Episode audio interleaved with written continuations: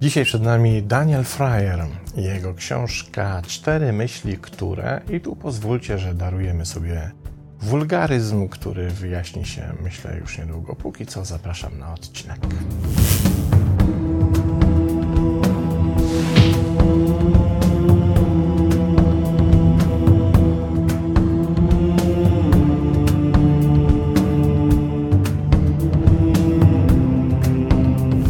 Tytule książki wspomniany wulgaryzm brzmi fuck you up, co moglibyśmy trochę na siłę, ale żeby było delikatnie, przetłumaczyć, że chodzi o takie cztery myśli, które na nasze własne życzenie nas po prostu dymają. I mocne powiedzenie, uzasadnione pewnie tym, że książki z wulgaryzmem, co pewnie już doskonale wiecie, sprzedają się po prostu dużo lepiej i trudno się dziwić autorom, którzy korzystają z tego typu narzędzia, bo ono powoduje, że dotarcie do potencjalnego czytelnika jest dużo większe niż bez użycia tego narzędzia, więc myślę, że można im to wybaczyć, jak i samemu sobie. Ok. Kim jest autor? Daniel Fryer jest byłym dziennikarzem z tytułem magistra terapii racjonalno-emocjonalnej i poznawczo-behawioralnej oraz dyplomem z hipnozy klinicznej i poznawczej hipnoterapii behawioralnej. Jest terapeutą od 2004 roku, pracuje w The Priory Hospital w Bristolu. Prowadzi również własną prywatną klinikę oraz jest konsultantem w dziale medycyny pracy w prywatnej firmie medycznej. Wcześniej przez 10 lat pracował jako specjalista w Royal Brompton Hospital w Londynie, lecząc psychogenne dolegliwości bólowe.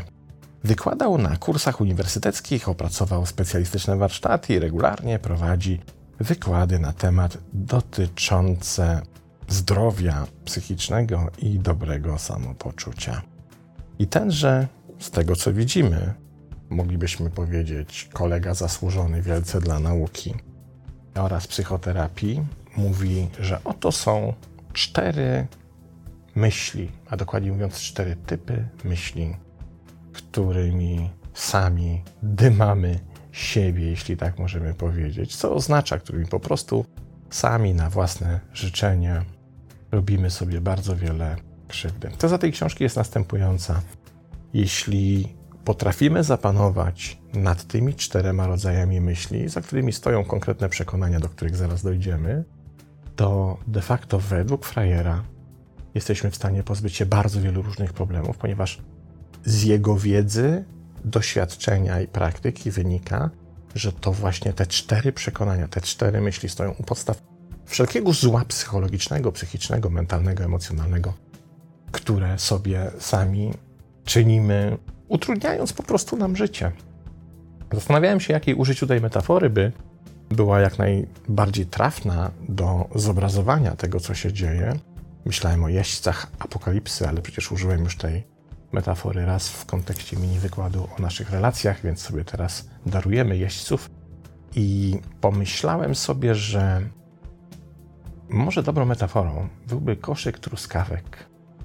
Oto idziesz sobie przez targowisko i widzisz uroczy warzywniak, w którym, nie mając specjalnie czasu i nieco się śpiesząc, kupujesz koszyk pełen truskawek.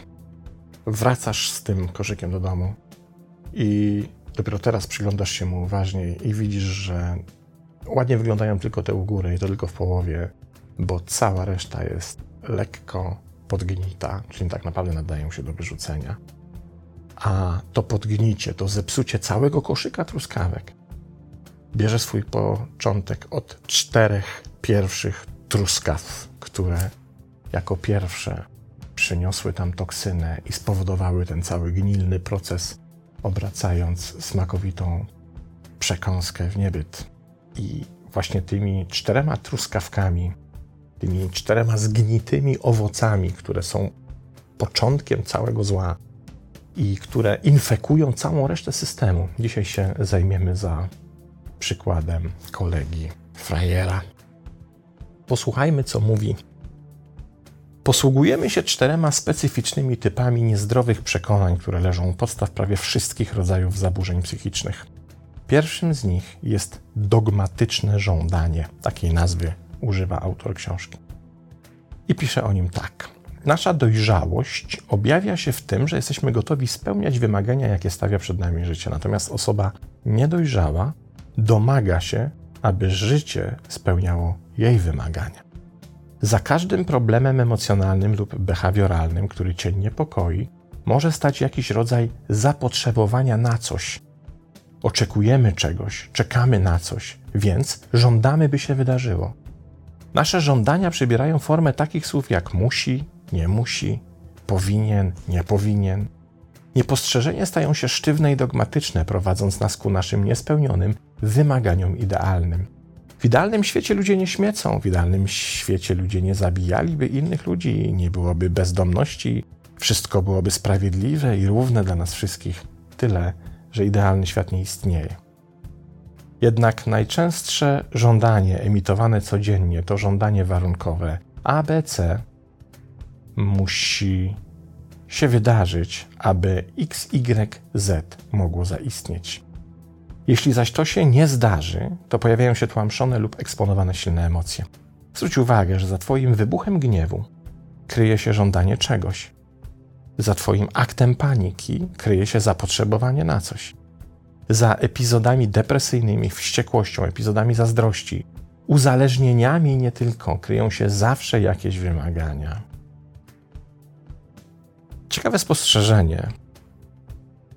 Autor mówi, że za każdym razem, kiedy borykamy się z jakimś problemem emocjonalnym, na przykład, z jakimś emocjonalnym dyskomfortem, to gdzieś tam na dnie stoi jakieś oczekiwanie. To jest ta pierwsza truskawa podgnita, od której bardzo szybko gniją kolejne trzy, a kiedy zgniją już wszystkie cztery, no to cały koszyk jest za chwilkę do wyrzucenia. Jeśli byśmy, i to jest teoria autora, rozeblali nasze problemy, tak jak obieramy cebulę, i odkładali każdą kolejną obraną warstwę, szukając tego, co jest w środku. To źródłem tych problemów, tym środkiem tej obieranej emocjonalno-mentalno-psychologicznej cebuli jest jakiś rodzaj oczekiwania, że sprawy ułożą się według nas w określony sposób.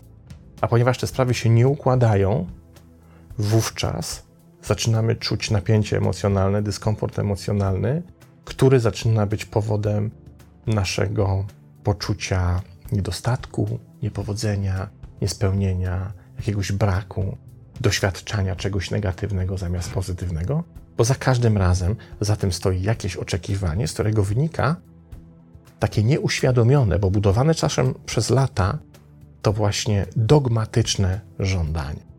Za każdym razem czegoś chcemy, czegoś żądamy, by ktoś się tak zachował, jak się spodziewamy, by wydarzyło się w naszym życiu coś, co naszym zdaniem powinno się wydarzyć, i w drugą stronę, by nie wydarzyło się to, co się wydarzyło, bo przecież nie powinno nam się wydarzyć. Zwróćmy uwagę, jeśli spojrzymy na to z tej perspektywy, to rzeczywiście teraz bardzo trudno jest nam znaleźć cokolwiek, co jest przyczyną naszych problemów i co nie byłoby związane z jakimś konkretnym oczekiwaniem. Że stanie się to, że wydarzy się tamto, że zdobędziemy to, że pozbędziemy się tego, że zdobędziemy czyjeś zainteresowanie, że pozbędziemy się czyjegoś natręctwa. Za każdym razem jest określony rodzaj oczekiwania, którymi, no sorry, powiem to już po raz trzeci w tym odcinku, dymamy siebie. Jak jest wyjście z tej sytuacji, bo książka Frajera zbudowana jest w taki sposób, że składa się z trzech części. W pierwszej części poznajemy te cztery zatrute truskawy. W drugiej części poznajemy sposoby, metody i narzędzia ku temu, by się ich pozbyć lub by przynajmniej obniżyć ich destrukcyjny wpływ na nasze życie i na nasz system emocjonalny. Zaś w trzeciej części, niezwykle już praktycznej, autor prowadzi nas przez sześciotygodniowy proces, rodzaj warsztatu, którym w każdym tygodniu pracujemy nad konkretnymi rozwiązaniami, konkretną zmianą naszych przekonań za pomocą konkretnych technik i narzędzi, jest tam dość dużo pisania, dużo trzeba notować i dużo pracy w to włożyć, ale według słów autora i jego doświadczeń psychoterapeutycznych jest to niezwykle skuteczna droga. I te 6 tygodni wystarczy, żeby zabić te cztery smoki, żeby pozbyć się tych zatrutych, zgnitych truskawek. Jednym z tych sposobów jest, jak czytamy, Sposób poradzenia sobie z tym koszmarem, jesteśmy przy pierwszej truskawce, czyli przy naszych dogmatycznych, dogmatycznych żądaniach, jest dość prosty, ale wymaga świadomości. Jeśli myślisz, czujesz i działasz w sposób, który ci się nie podoba, ale wydaje się, że nie możesz się zmienić, zawsze szukaj popytu, czyli zawsze szukaj źródła swoich problemów w czymś, co autor nazywa popytem. W rzeczywistości od teraz, gdy myślisz, czujesz lub zachowujesz się irracjonalnie, spróbuj zrobić krok w tył i pomyśl, czego żądam. Aby dowiedzieć się, czego żądasz, spróbuj zidentyfikować, co naprawdę przeszkadza ci w danej sytuacji. Na przykład, jeśli jesteś zły na partnera czy partnerkę, kolegę lub koleżankę, zadaj sobie pytanie, na co lub o co tak naprawdę jestem zły lub zła. Jeśli jesteś z jakiegoś powodu przygnębiona lub przygnębiony, zadaj sobie pytanie, co mnie przygnębia najbardziej w tej sytuacji. To jest cały czas poszukiwanie popytu. Kiedy już zidentyfikujesz rzecz, która najbardziej cię niepokoi, wstaw tam słowo żądające i voilà, masz swoje niezdrowe przekonanie. A kiedy już odkrywasz swoje niezdrowe przekonanie, możesz je zakwestionować. Istnieje na to wiele metod, ale jedna z najskuteczniejszych polega na kwestionowaniu swoich przekonań za pomocą wyłącznie trzech pytań. Te pytania to: czy to przekonanie jest prawdziwe?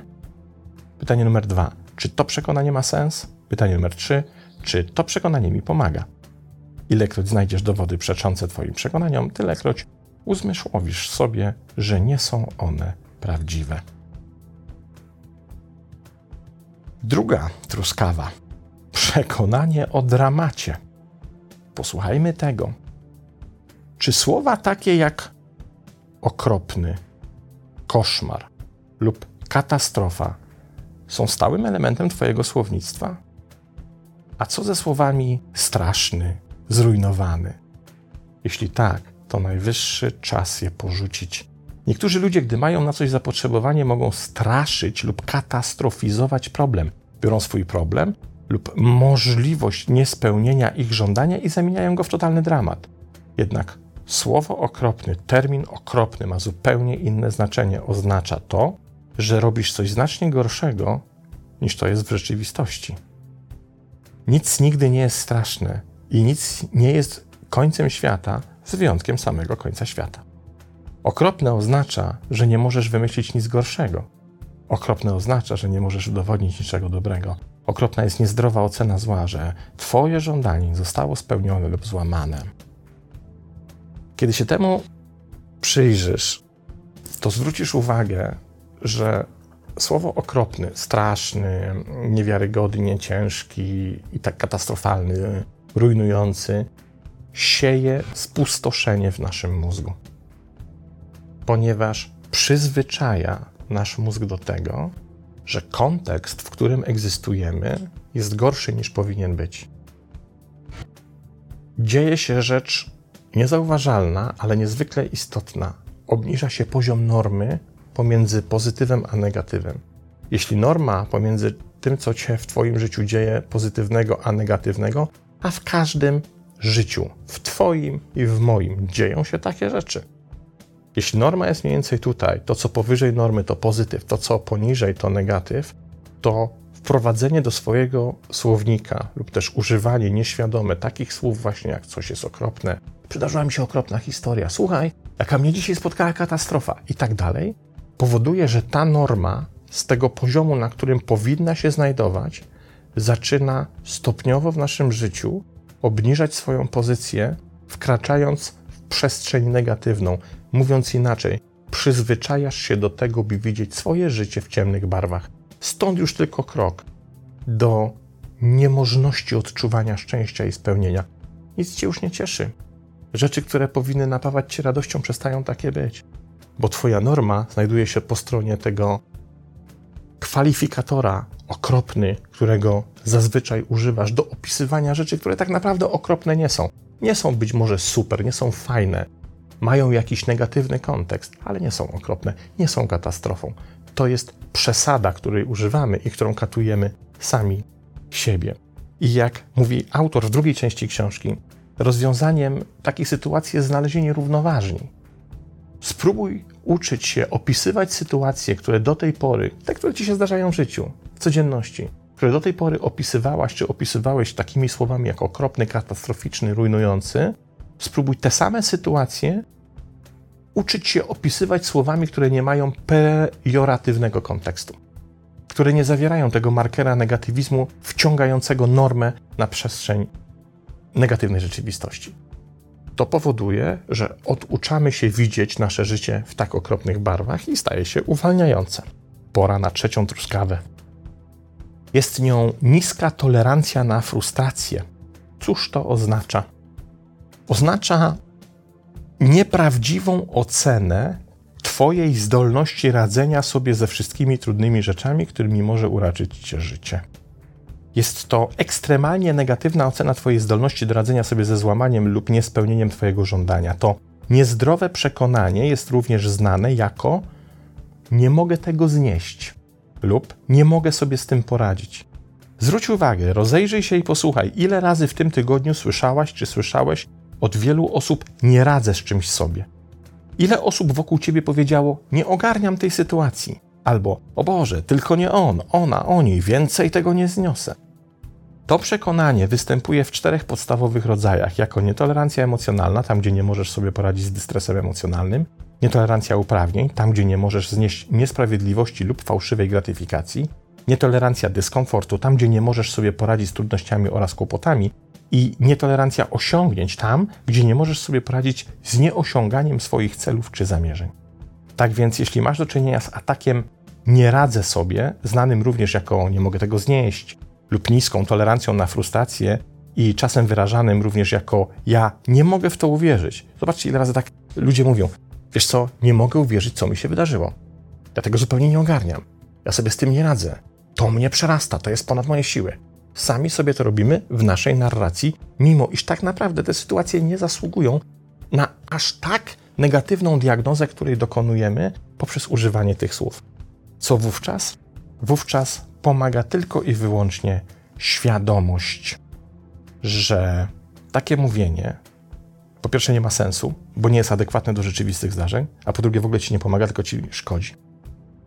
To świadomość tego, że to jest puste słowo, za którym nie stoi żadna adekwatna treść i które regularnie i konsekwentnie używane będzie siało spustoszenie w systemie, tak jak dwie poprzednie zatrute truskawy. One również będzie infekowało system, powodując, że system zostanie wytrącony z równowagi właściwego balansu i przestanie być skutecznym systemem. Pora na czwartą truskawkę. Potępienie siebie, innych lub świata. I zauważcie, że to jest tak, że zaczyna się od tej pierwszej truskawki, bo to jest dość istotna sekwencja zdarzeń. Najpierw gnije ta pierwsza, to jest żądanie i oczekiwanie. I kiedy z tym sobie nie potrafimy poradzić, to natychmiast pojawiają się kolejne zgnite truskawki. Ja sobie z tym nie radzę, ja tego nie ogarniam, ja nie daję rady i tak dalej, i tak dalej. I w końcu pojawia się ostatnia truskawa, czyli potępianie siebie, innych lub świata. Ta czwarta myśl jest prawdopodobnie najbardziej uporczywa, podstępna i rozpowszechniona ze wszystkich. Ludzie, którzy ją kultywują, mogą czuć się naprawdę gównianie, zarówno w stosunku do siebie, jak i innych ludzi. I to wcale nie jest zabawne. To czwarte przekonanie może w rzeczywistości skręcić w jeden z trzech kierunków. Kiedy ludzie nie dostają tego, czego muszą, w cudzysłowie, mieć, kiedy coś idzie nie tak lub gdy życie wydaje im się spięte, mogą rozwinąć tendencję do 1. poniżania samych siebie, 2. poniżania innych i 3. poniżania tego, co jest związane z warunkami na świecie, z ich otoczeniem, czyli poniżanie świata, który ich otacza. Uznajemy to jako samo oskarżanie. Ludzie, którzy to robią, mają tendencję do postrzegania siebie jako głupich, bezużytecznych, bezwartościowych, niedobrych, godnych porażek, a nie zwycięstw, lub nazywają siebie pewnymi obraźliwymi przekleństwami. Poniżanie innych ludzi jest znane jako przeklinanie innych, i to jest sytuacja, w której postrzegasz innych ludzi jako głupich, bezużytecznych, bezwartościowych i tak dalej, dokładnie tak samo jak w stosunku do siebie. Samo oskarżanie się nie jest prawdą, bo nie może taką być. Jeśli spisałeś listę swoich umiejętności, to jeden z ćwiczeń, osiągnięć, kwalifikacji akademickich, zawodowych, czy ze szkoły, czy życia, z których jesteś dumny, które uważasz za rzeczy, o których warto wspominać w pozytywny sposób, które posuwały sprawy do przodu, które świadczyły o tym, że z czymś dałaś, czy dałeś sobie radę, to zwróć uwagę, czy na pewno ta lista będzie pusta? Tak to jest, ale wolimy, czy też lubimy o tym nie pamiętać. No i w końcu rozwiązanie. Główne rozwiązanie jest takie, że trzeba zablokować tą pierwszą truskawkę. Jeśli uda nam się zrobić coś, że ta zgnilizna nie pojawi się w pierwszej, to jednocześnie chronimy wszystkie trzy pozostałe, czyli pozbywamy się tej inkorporacji przekonań wynikających z trzech pozostałych, no bo pierwsza nie sieje, pierwsza nie infekuje całego systemu. Dlatego tak ważne jest zablokowanie to już na poziomie oczekiwań i żądań. I to, co mówi autor, pozwolę sobie przeczytać na sam koniec. Jak to zrobić? Zamienić oczekiwanie czy żądanie na coś, co nazywamy preferencją. A wówczas wszystko inne zacznie się również zmieniać, jak w efekcie domina. Preferencja to przekonanie, w którym wyrażasz to, co chciałbyś, aby się wydarzyło, jednocześnie akceptując, że nie musi się to dziać. Twoje preferencje mogą mieć formę wolę, mam nadzieję, lub chciałabym albo chciałbym, lub innych słów, które pochodzą z tego samego pnia, ale nie możesz po prostu powiedzieć wolę mieć i już. Bo preferencja działa wyłącznie wtedy, kiedy towarzyszy jej świadomość negacji, a to oznacza, że po słowach wolę mieć czy chcę mieć, musisz dodać, ale nie muszę tego mieć. Preferencja jest wszystkim, czym popyt nie jest. Jest elastyczna i racjonalna. Jest o wiele bardziej realistyczna niż kiedykolwiek wcześniej, o wiele bardziej sensowne jest posługiwanie się nią, bo wtedy pomoże ci osiągnąć swój cel. Preferencje są drogą do dobrego samopoczucia psychicznego. Przyjęcie swoich preferencji to sposób na naprawianie swoich dogmatycznych wymagań. Kiedy akceptujesz siebie bezwarunkowo jako wartościowego i omylnego człowieka, nie ma porażek, są tylko okazje do nauki. Na szczęście dla ciebie, dla twojego zdrowia psychicznego i instynktu samozachowawczego, każde z czterech niezdrowych przekonań wymienionych w tej książce ma zdrowy, racjonalny odpowiednik, rodzaj poprawki, która pomoże ci myśleć, czuć i działać bardziej rozsądnie, bardziej racjonalnie i pewniej w obliczu przeciwności. Właściwie tyle, żeby już nie przedłużać. Książka wciągająca, mam nadzieję, mnie na przykład wciągnęła i to we wszystkich swoich trzech częściach. Daniel Fryer, The Four Faults That Fuck You Up and How to Fix Them. Książka z 2019 roku. Ma już dwa lata, całkiem sporo. Jak na razie nie zauważyłem żadnych przymiarek do tego, by pojawiła się na rynku polskim, a bardzo szkoda. Zachęcam do lektury i do następnego razu. Pozdrawiam.